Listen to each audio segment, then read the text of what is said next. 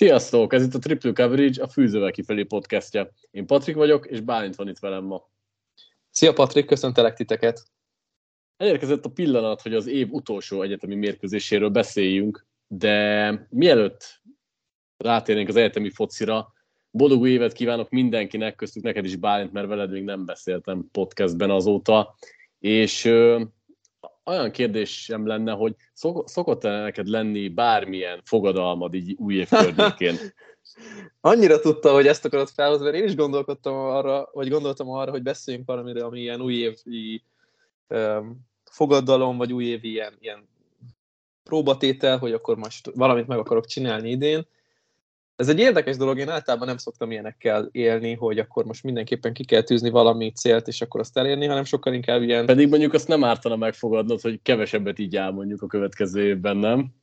Hát attól függ, hogy mire gondolunk, mert hogy önmagában azért elég sok vizet fogyasztok, mert én nem szeretem az ilyen cukros izéket, hanem uh, szénsavas vizet szoktam fogyasztani. Én azt gondolom, hogy lehet, hogy picivel többet egy nap, mint a, a 3-4 liter, de hogy, hogy az nyilván nem tesz annyira jót így a, a, a vesének hogy te mire gondolsz, azt meghagyom neked egyébként, de... de... Kávéra természetesen. Ja igen, mert abból is azért viszonylag sokat fogyasztok egy nap. Ak- akkor így értem, hát meg, megpróbálom, de csak, de most így csak neked így megfogadom, hogy lehet, hogy nem iszok annyi kávét, aztán meglátjuk majd december 31-én, hogy ezt sikerült-e tartani. Hát én alapvetően nem, most nyilván itt apró, kicsi ilyen célkitűzések, hogy mit akar elérni az ember munkában, magánéletben, a barátokkal, vagy bármi egy utazás, de így nincs, nincs konkrét cél meghatározva, mindig jönnek a feladatok egymás után, és akkor azt kell megoldani.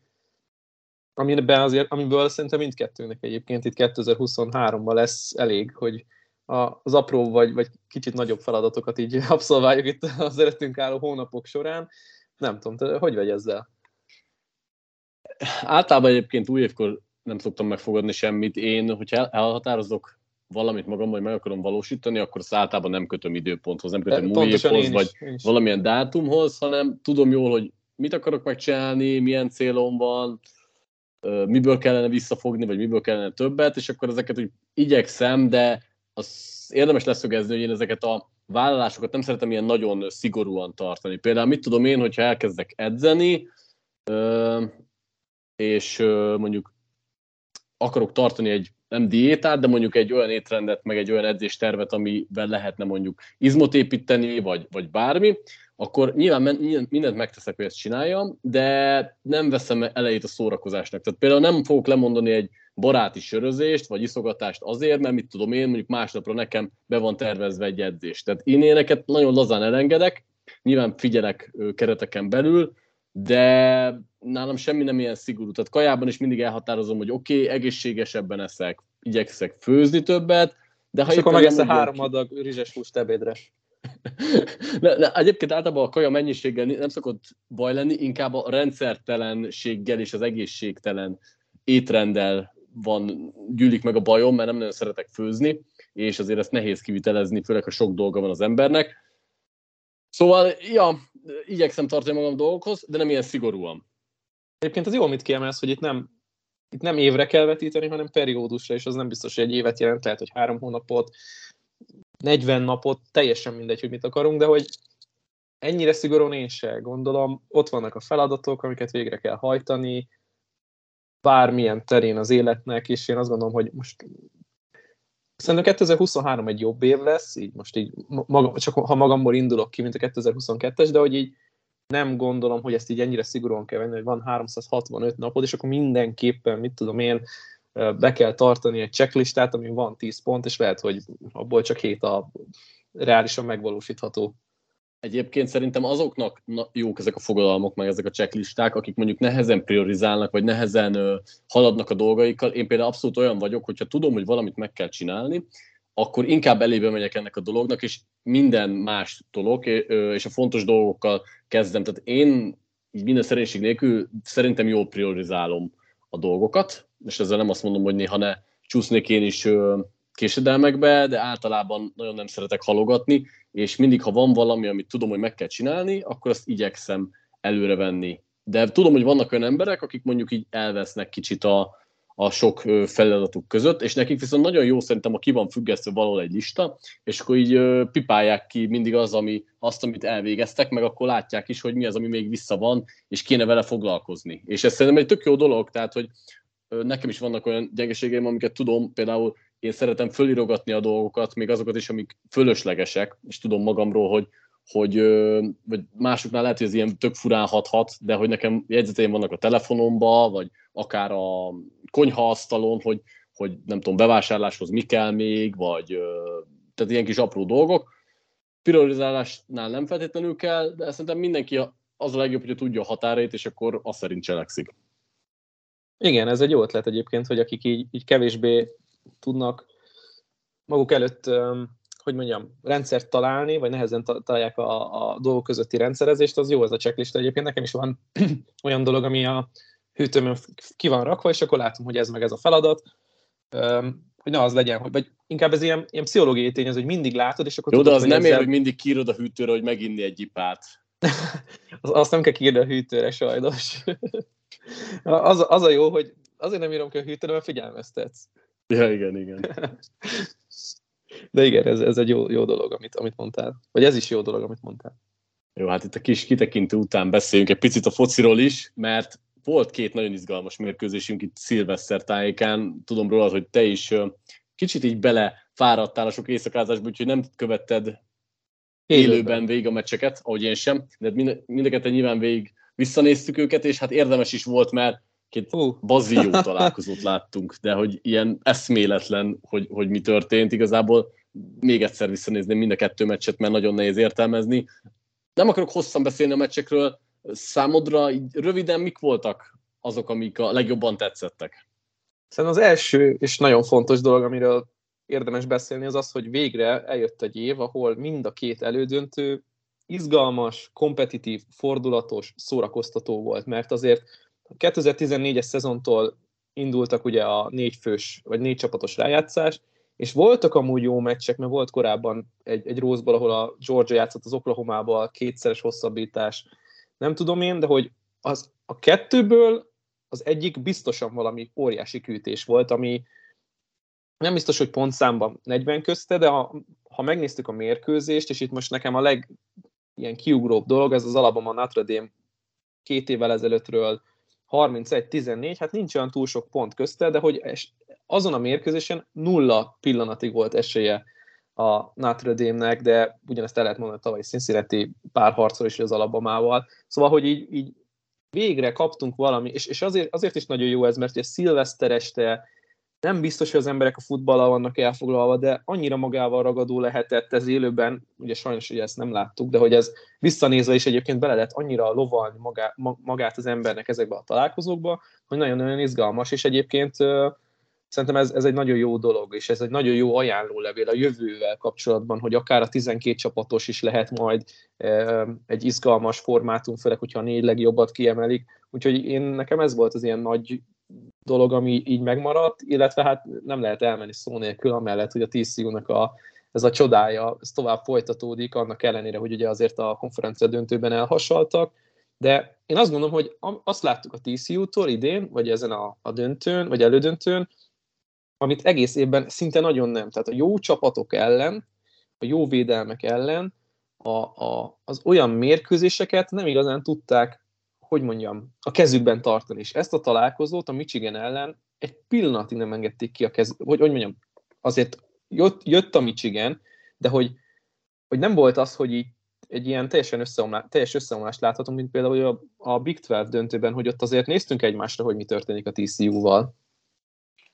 Abszolút, és hát a harmadik negyedben 44 pontot produkált a két csapat, ami ugye példanélküli, hát ez egészen De brutális. 21-9-el kezdték a negyedet, és 41-30 lett a Kegy, kegyetlen, kegyetlen. És egyébként tényleg, amit te is kiemeltél, ez egy tök jó dolog, hogy nagyon kapaszkodott a Michigan, sőt, ott voltak a tc már a nyakán, és mindig-mindig megcsináltak még egy plusz play-t, ami kellett. Ö, ettől függetlenül egyébként én úgy érzem, hogy a TCU egy picit ezen a meccsen is hasonlóan hogy fogalmazza meg ezt szépen úgy, hogy én szeretném elismerni a TCU-nak a teljesítményt, és muszáj is, meg abszolút megérdemelten nyertek szerintem. De a, a mérk... Igen? Mondj, mondjad.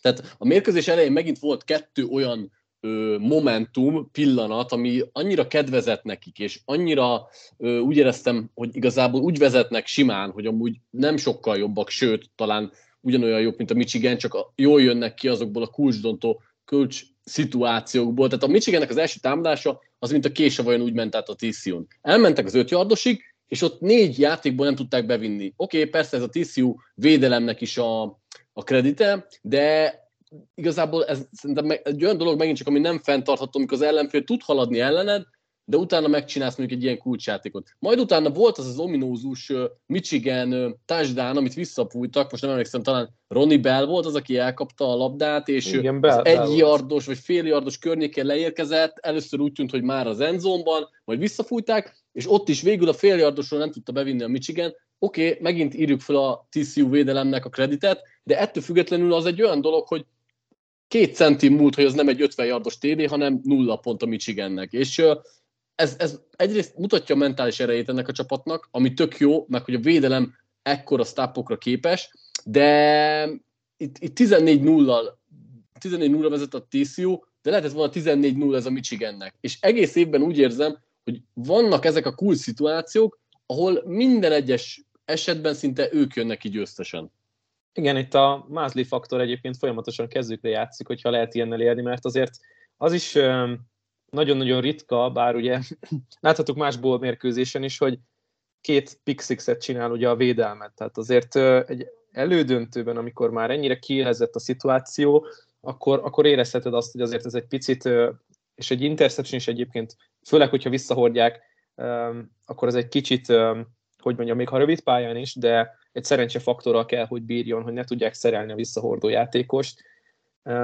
Ugye a TCU kevesebb támadójardot szerzett, kevesebb ideig volt náluk a labda, és kevesebb first down értek el, úgyhogy a támadó oldalt azért részben a Michigan tudta dominálni, a pontszerzések voltak a problémák, és te, te is kiment, hogy a red zone-ban azért ott azok a mezőnygólok, amik 26 yardos, meg, meg rövid mezőnygólok, azok, azok, azok pontszerz, nagy, nagyobb pontszerzéseknek kellene, hogy legyenek. Ez nem így történt, úgyhogy, úgyhogy itt ez, ez nekik így, hogy mondjam, nem teljesen volt jó, így, mármint a Michigan oldalán, hogy nem, nem, nem tudták ezt a kiegészítő futballt játszani, a speciális csapategység, a védelem és a támadósor is egyszerre jó, és ennek köszönhetően búcsúztak el a zsinórban kétszer az elődöntőben.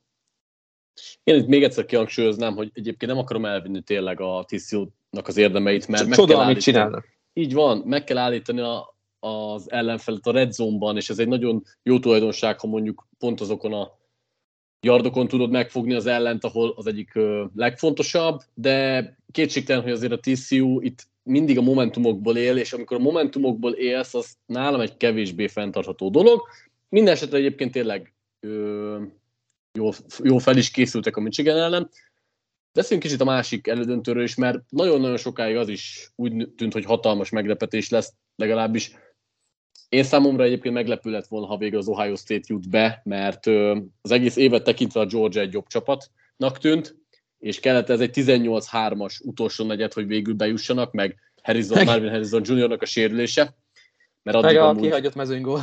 Meg a kihagyott mezőnygól az utolsó másodpercben, így van. De hogy uh, igazából az volt a legmeglepőbb, hogy az Ohio State offense egyszerűen uh, tudott választ adni a Bulldogsnak a védelmére, Méghozzá engem uh, Stroud játéka lepett meg a legjobban, aki pont, hogy olyan szituációkban mutatta meg, hogy mit tud, amit eddig nem láttunk tőle. Tehát használta a lábait, 12 megiromodása, ez messze a legtöbb az egész szezonban. Akkor, amikor menekülni kellett, akkor adott hatalmas passzokat. Tehát pont olyan dolgok, amiket eddig nem láttunk tőle, hogy mit tud csinálni akkor, hogyha mondjuk nem, nem mennek a ritmuspasszok, nem úgy megy az offenz, hogy föl van rajzolva, hanem kicsit ki kell lépni a komfortzónából, azt meg tudja oldani, és ebből a szempontból szerintem most vizsgázott a legjobbra.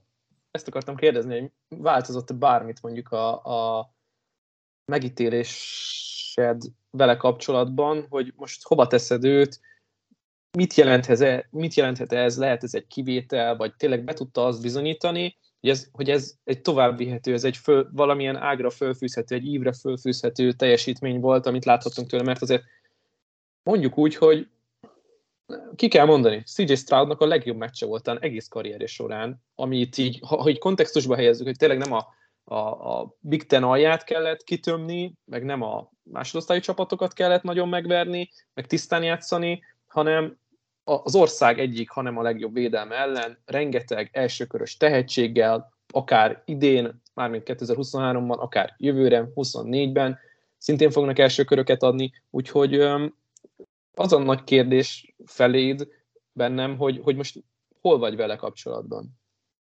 Nagyon nehéz kérdés, mert attól függetlenül, hogy tényleg ezen a meccsen mutatott olyan dolgokat, amiket eddig nem láttam tőle, és nagyon hiányoltam. Attól függetlenül én inkább azt szeretem figyelni, hogy egy-egy játékos mondjuk hosszú távon konstans hogyan mozog, mit, olvas, mit olvashatunk le a játékából, a testbeszédéből, stb. És egy meccs nálam ez még nem elég Stroudnál, és kicsit olyan ö, ritmuson kívüli volt például, amikor így megindult a labdával. Tehát látszik, hogy ez neki testidegen dolog, és ettől még nem tudom feltételezni, hogy ez megváltozik. Én nagyon félek tőle, hogy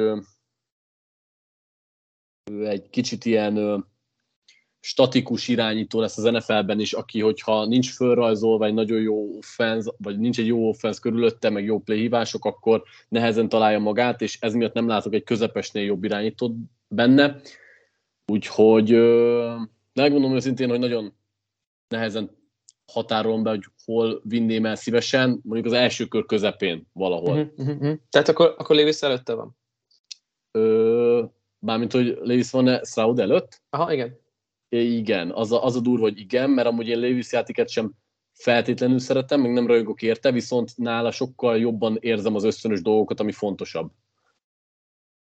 Értem, egyébként picit eltér a véleményünk, nekem még mindig Stroud van előrébb, mint Levis, és talán nagyon nagy kérdés bennem egyébként a, az idei támadósornak ugye az átalakítása a tavalyihoz képest, mert azért Fields-től több olyan dolgot kértek, amit mondjuk amire te utaltál, hogy Straussnak testidegen, de miért lehet az?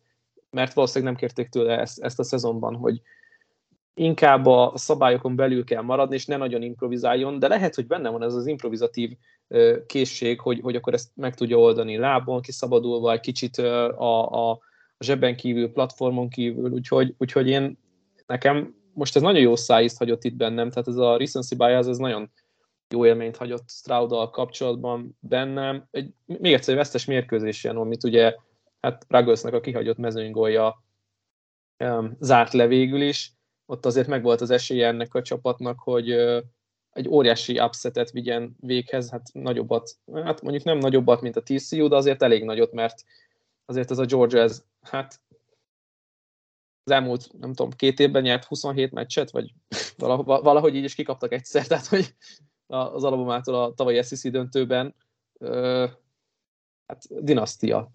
Már, Ez már, Ez de az. az, az, az a nagy kérdés, most már arról kell beszélgetni, hogy vajon nagyobb dinasztia ez a csapat, mint mondjuk a, a Tua Jalen Hurts Alabamája, ugye Mm. annak idején, vagy a, az a Clemson, amit ugye freshmanként vezetett még Lawrence, mert azért ott is egyébként hát igen, igen domináns teljesítményeket láthatunk. Ugye ne felejtsük el, ez az Alabama 15-ben és 17-ben megnyerte, 16-ban és 18-ban pedig ö, döntős volt, tehát hogy azért az egy konkrét dinasztia.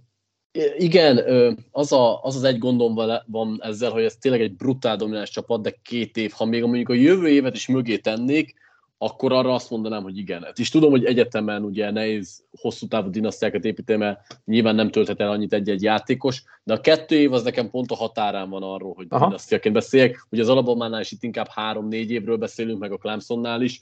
Arra már én boldogan mondom azt, de hát brutál domináns ez a két év, és ez hihetetlen, és szerintem lépjünk is át akkor ezzel a döntőre, hogy Aha.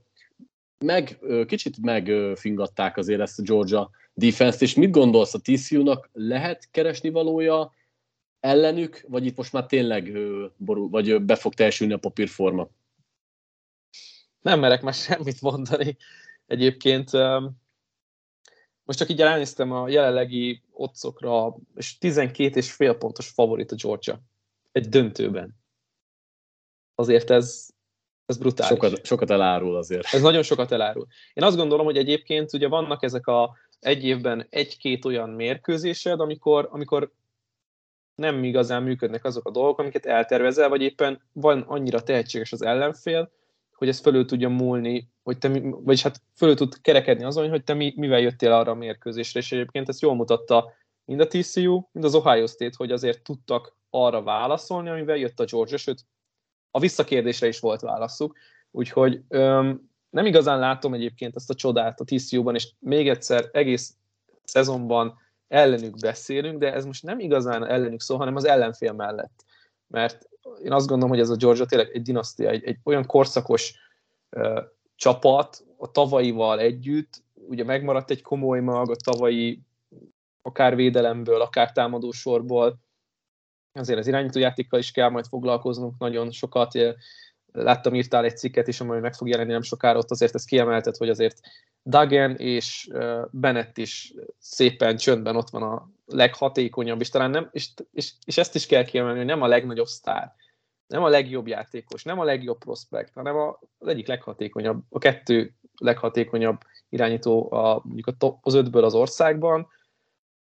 Mikor fog igazán megremegni Dagennek a keze? Én nem látom, hogy Bennettnek ez, ez megtörténne, mert egy, egyfelől most, ha levesszük a, a legjobb elkapóját mindkét, nem, a legjobb célpontját mindkét csapatnak, akkor ugye kivesszük Johnston-t a TCU-ból, és Bowers-t a Georgiából, és kiknek maradt több fegyvere, vagy kiknek maradt több opciója. A TCU-nak szinte nincs opciója Johnsonon kívül. Hát Nyilván van, a futójáték, de hogy...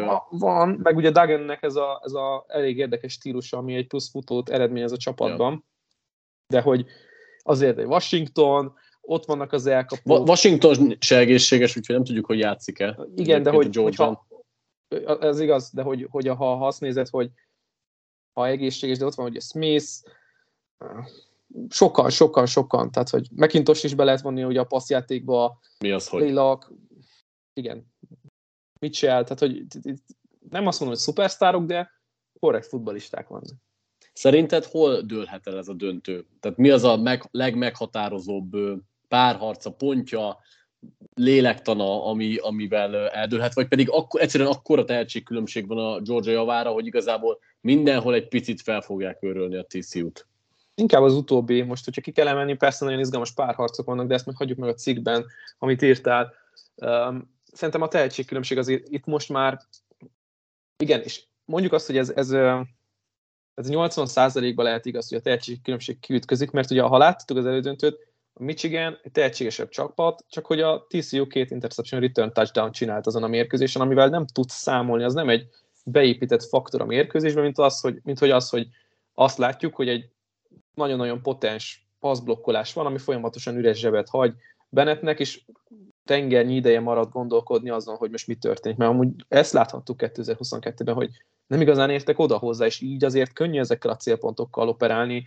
Yard after catch, nagyon szűk ablakokba beszort labdákat is megoldották az elkapói, úgyhogy én azt gondolom, hogy igen, tehát összességében ez a csapat, a labda mindkét oldalán plusz a speciális csapategység, ami szintén nagyon-nagyon fontos, hogy azért az év végére egyre jobb lett, az, az el fogja szerintem a javukra dönteni. Nagyon-nagyon-nagyon meglepődnék, hogyha a TCU itt nem is tudom én, a harmadik negyedbe úgy menne oda, hogy mondjuk vezetnek, vagy, vagy mondjuk négy ponton belül vannak.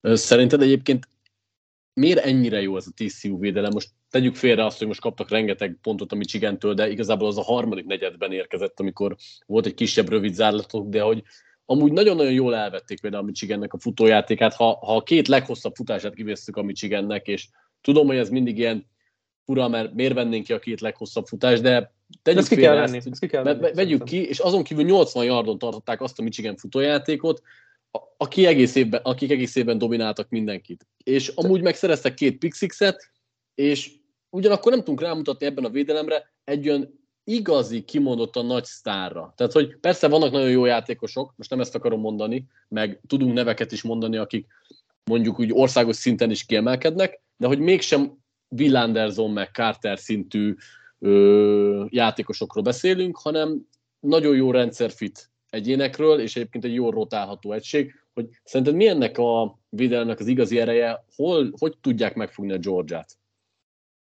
Hmm. Nekem azt tetszett nagyon, amit csináltak az elődöntőben, hogy elvették ezt a futójátékot, amit ugye, ugye megnyerte a Michigan, most már ugye dupláztak, hogy az év támadó falok nekik volt, tehát az, év, az a legjobb támadó fal az adott évben az övéké volt, és azt láthattuk folyamatosan, és ezt ki is emeltük több podcastban, hogy hogy tudják mozgatni a line of scrimmage-et, hogy mozgatják az embereket egyénenként, vagy kompletten az egységet a védőfallal szemben, vagy a védőfalat, és erre egyáltalán nem volt most opciója, egyáltalán nem volt jó a futásblokkolás, és ha, ha megnézzük, hogy a linebackerek mennyire jól tudták a felelősségeiket a futójáték ellen, akkor megkapjuk azt a 80 yardot, amiről beszélgett, hogy nem tudott elmenni egyszerűen a futójáték, nem tudták annyira a sarkukra állítani, sem a védőfalat, sem pedig ugye ezekkel a, ezekkel a furcsa lyuknyitások, hogy nem tudja a linebacker, hogy melyik lyukba menjen, és akkor a másikba megy vissza Edwards, vagy éppen ugye korábban még Korum, hogy, hogy nem, erre nem volt válasza egy, egyáltalán a Michigannek, hogy illetve hát nem tudták uralni a line of scrimmage-et, és ezzel nyerte meg a mérkőzést, a, vagy hát ezzel is nyerte meg a mérkőzést a TCU. Azt gondolom, hogy ez, ez a Georgia ellen más jellegű teszt lesz, mert talán nem annyira jó a támadó fal, viszont nem is biztos, hogy a futójátékkal akarnak majd olyan szinten operálni, mint mondjuk csinálta azt a, vagy csinál, akarta volna csinálni a Michigan.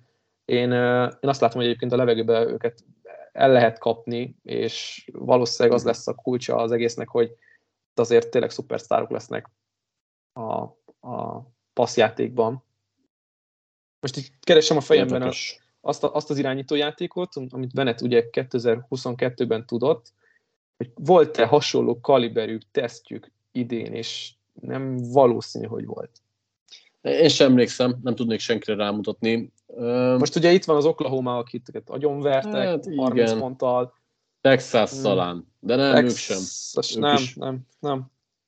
Na, nem, nem. Igazából ezért, ezért érdekes a TCU-nak szezonja, mert nem feltétlenül volt ilyen csapat. Ö, jó, igazából lesz, vannak még érdekes témáim, de azokat meg akarom hagyni majd egy későbbi podcastre, úgyhogy még utolsó kérdésként, hogy mondj akkor egy tippet. Tudom, azt mondtad, hogy most már nem látod a TCU-nak a, az álombeteljesítését, de hogy egy, nem tudom, egy ilyen tólig tippet, hogy mennyivel nyer, és ki. Ugye, yeah, még egyszer 12 és fél pontos favorit a Georgia, és 62 és fél az under, Ú, nehéz. Szerintem inkább azt mondom, van két, két forgatókönyv a fejemben. Mind a kettőben a Georgia nyer, az egyikben azt látom, hogy mondjuk legyen egy labdán belül, ez, ez lenne az ideális a döntő miatt is. Mert ha már ilyen jó ajánló levél volt a, a két elődöntő, akkor ne, ne pont a döntőn csalódjunk. Legyen labdán belül a, a TCU, de én azt mondom, hogy nem fogjanak, nem fogja a Georgia elhozni a covert, de lazán, lazán megnyerik ezt a meccset. Szerintem annak a Georgiának nagyon-nagyon jól jött ez az Ohio State meccs, ahol megmutatták nekik, hogy ők is sebezhetők, és oda kell figyelniük a meccselétől, ki kell adniuk a maximumot magukból. Viszont látszott, azért a második félidőben már látszott a Georgián, hogy nagyon-nagyon sok tehetséges játékos van ebbe a csapatba, és Bennettről is tényleg keveset beszéltünk, majd lehet, hogy érdemes lehet a senior ballon róla és meg Daganről, vagy a senior ballhoz közeledve róla és meg Daganről többet beszélni, mert nem, mert kell. Nem, mert kell. És uh, rajtuk kívül ráadásul még nagyobb szárok, vagy rajtuk kívül még nagyobb szárok is vannak a Georgián. Én azt gondolom, hogy uh, sajnos, mert én is egy szoros meccset szeretnék látni, de hogy Vegas közel lesz ahhoz, hogy uh, eltalálja, hogy mekkora különbség van a két csapat között, sőt én, én két TD-t beteszek közéjük, én egy azt mondom, hogy egy 30-16 körüli Georgia sikert várok, mint legyen 30-17, mert az úgy jobban kijöhet. Ö... Akkor, sincsen, akkor sincsen cover, ugye? A, az over-underre. Az over nagyon, nincs, nincs. Nagyon messze vagyunk akkor. Mondjuk az lehet, hogy akkor egy kicsi alábecslés, mert azért azt látom, hogy mind a két offense jobban fog pörögni. Akkor legyen 40-24 inkább. Azt egy, azt egy reálisabbnak látom, igen. Akkor viszont elhozzák ugye az over-undert, ugye 64-en. É, szerintem inkább over lesz, mert, mert a Georgia offense is látok azért egy 35-40 pontot, 500 yardot átlagolnak majdnem. Igen. Igen, ezt, ezt mindig elfelejt az ember, mert mindig a védelméről beszél, de hogy azért ez az offense ez top 10 volt minden mutatóban. Nem csak idén, hanem tavaly is, és ez brutális.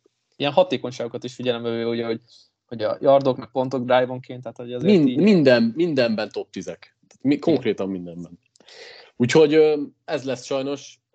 Majd Egy kérdés még itt gyorsan. Igen? Hogy, most csak itt, itt, itt a két labda közötti, vagy a két labdás gondolaton kezdtem el így tovább, vagy gondolatot kezdtem tovább fűzni magamban, hogy hogyha mondjuk adott esetben a Georgia kezdi a mérkőzés támadással, feltesznek egy TD-t, mondjuk nem sikerül pontot szerezni a TCU-nak. Teszem azt, föltesz még egy, még egy pontszerzést a, a Georgia, tehát mondjuk hármat vagy hetet, látsz-e bármilyen esélyt arra, hogy az első negyed derekán 10 pontos hátrányon a TCU-nak lesz még lesz esélye, mert ugye az még mindig csak két labda, de hogy így, így belelátva az egészben magadat, úgyhogy mondjuk Ringo el tudja venni, vagy le tudják duplázni uh, Johnston-t, mert szerintem simán van rá esély, hogy a, annyira allokálják a, az erőforrásaikat, vagy azt mondják, hogy nem is Ringo meg Johnston, hanem duplázzuk a túloldalt, majd Ringo elveszi a második opciót. Szerintem jobban járnak, ha duplázzák. Egyébként. És kivel Ringóval? Ö, szerintem nem is kell ragaszkodniuk ahhoz, hogy, hogy kivel, nem muszáj végig emberezni rajta, amelyik oldalon éppen, vagy ahol éppen föláll, ott duplázzák. Ja, ja, akár, akár ez is lehet egy megoldás. Szóval, hogy látod-e azt, hogy mondjuk 10 pontos hátrányban lesz annyi ereje még a TCU-nak az első negyed dereken, hogy ott futballmérkőzést csináljanak belőle? Figyelj, hogyha egy dolgot bebizonyított viszont a TCU is nem lehet kétségbe venni, hogy hatalmas szívük van, és nem adják föl. Tehát 10 pontos hátránynál én még abszolút látom, hogy ők meccset csinálnak belőle, és visszajönnek. Az már érdekesebb, hogy mondjuk utána megint, utána azért 10-0-nál már kicsit mindig jobban rezeg az offenznek a léc, mert haladni kell, és esetleg azt kihasználja a George, és szereznek egy labdát, vagy egy picket, vagy egy pick bármi, akkor már 17-0-ról, vagy 10, nem tudom, 14-17-0-ról már nem biztos, de 10 pontos hátrányban én a TCU-t még a Georgia sem fogom leírni egyébként. Ez, ez fontos kiemelni szerintem, hogy amit te is mondtad, hogy ők még nem volt olyan meccs, ahol azt érezted volna, hogy, hogy az nem hátrány esély, nekik. Nincs esélyük. Tehát oké, okay, hogy egy meccsen kaptak ki, és egyébként voltak óriási győzelmek, és most itt előttem van egy ilyen ö, statisztika, a, a spread ellen szerinted hogy teljesítettek idén ez nekem hát, meglepő volt egy picit. Két meccs kivételvel mindent hoztak? Mondjuk. Négy meccs kivételvel mindent hoztak, 10-3-1, tehát háromszor nem sikerült, egyszer pedig push volt, tehát pont Aha. annyi. E, e, ezen picit meg vagyok lepődve. Annyira nem, mert, mert ugye még amikor a végén is, amikor még hibátlanok voltak, mondjuk 7-0-8-nál, akkor is voltak, volt, hogy esélytelenebbek voltak például a Texas ellen. Tehát, az igaz, az igaz. És megvették olyan, Igen, és nem csak ellenük, hanem volt, hogy mit tudom én, úgyhogy tényleg hibátlanok voltak, és játszottak mondjuk egy olyan csapat, akik volt három veresége, akkor is mondjuk csak egy ilyen két-három pontos favoritok voltak, és azokat meghozták. Tehát ez ilyen szempontból nem lep meg, mert egész évben mindenki nagyon lenézte ezt a TCU-t, és egyébként kicsit mi is, és most is így beszélünk róluk, de hát ettől függetlenül azt meg kell jegyezni, hogy ránk tudnak cáfolni, de azért a realitás az nem az, hogy ez a TCU ö, itt mondjuk a az ország legjobb csapata volt idén, de et, meg lehet, tehát annak ellenére is nyerhetsz bajnokságot szerintem, hogy nem vagy az ország legjobb csapata, de mondjuk nagyon jó vagy a fontos pillanatokban, hatalmas szíved van, és ez, ezzel tudsz mondjuk meccseket nyerni. Abszolút, szó... ez, ez nagyon fontos, hogy azért itt még egyszer tehetségbeni különbség van, viszont az, amit akár az edzőstáb, vagy a Dykeszék alatt csinált mérkőzéseken átívelően, és mérkőzéseken belül az azért fantasztikus. Tehát e- elképesztő, hogy ők egy, mondom, egy kis csapatból, mert tényleg a Big 12-ben se gondoltuk mondjuk mm. szezon előtt szerintem top 4-ben a, őket. A hetedik legesélyesebbek voltak szezon előtt, a Big 12-ben, nem az országban, a Big 12-nek a hetedik legesélyesebb Csak Oklahoma, meg, meg tényleg Texasok, meg Baylor, Oklahoma State, ugye talán őket gondoltuk így a top 4-nek, így első blikre, vagy visszagondolva a szezon előtt, és akkor az történik, hogy ők játszák a bajnoki döntőt. Hát, fantasztikus sztori. Kíváncsi vagyok, hogy hogyan zárul. Mindenesetre ezzel mi meg zárjuk a mai podcastünket, de jönni fogunk még az off-seasonben mindenféle témával. Akkor is tartsatok velünk. Köszönjük a figyelmet, sziasztok! Sziasztok!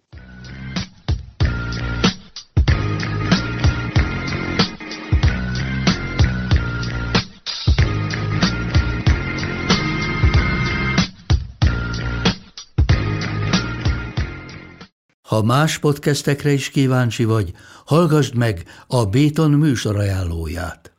El tudod képzelni, hogy a podcastet, amit éppen most hallgattál, fél év múlva már a mesterséges intelligencia generálja? Mi sem. De ha érdekel, eljötte már a gépek lázadása. Hallgass bele az Embertelen podcastbe. Orsós Lajos vagyok, a műsor házigazdája. Egyelőre még élőben. Egyelőre. Fedezzük fel együtt, hogyan ismerkedik, randizik, mesél és vitatkozik Betty és Péter, két teljesen mesterséges intelligencia. Lajos, a podcast címét mond még egyszer, Léci. Oké. Okay. Embertelen podcast. Ez a műsor a Béton közösség tagja.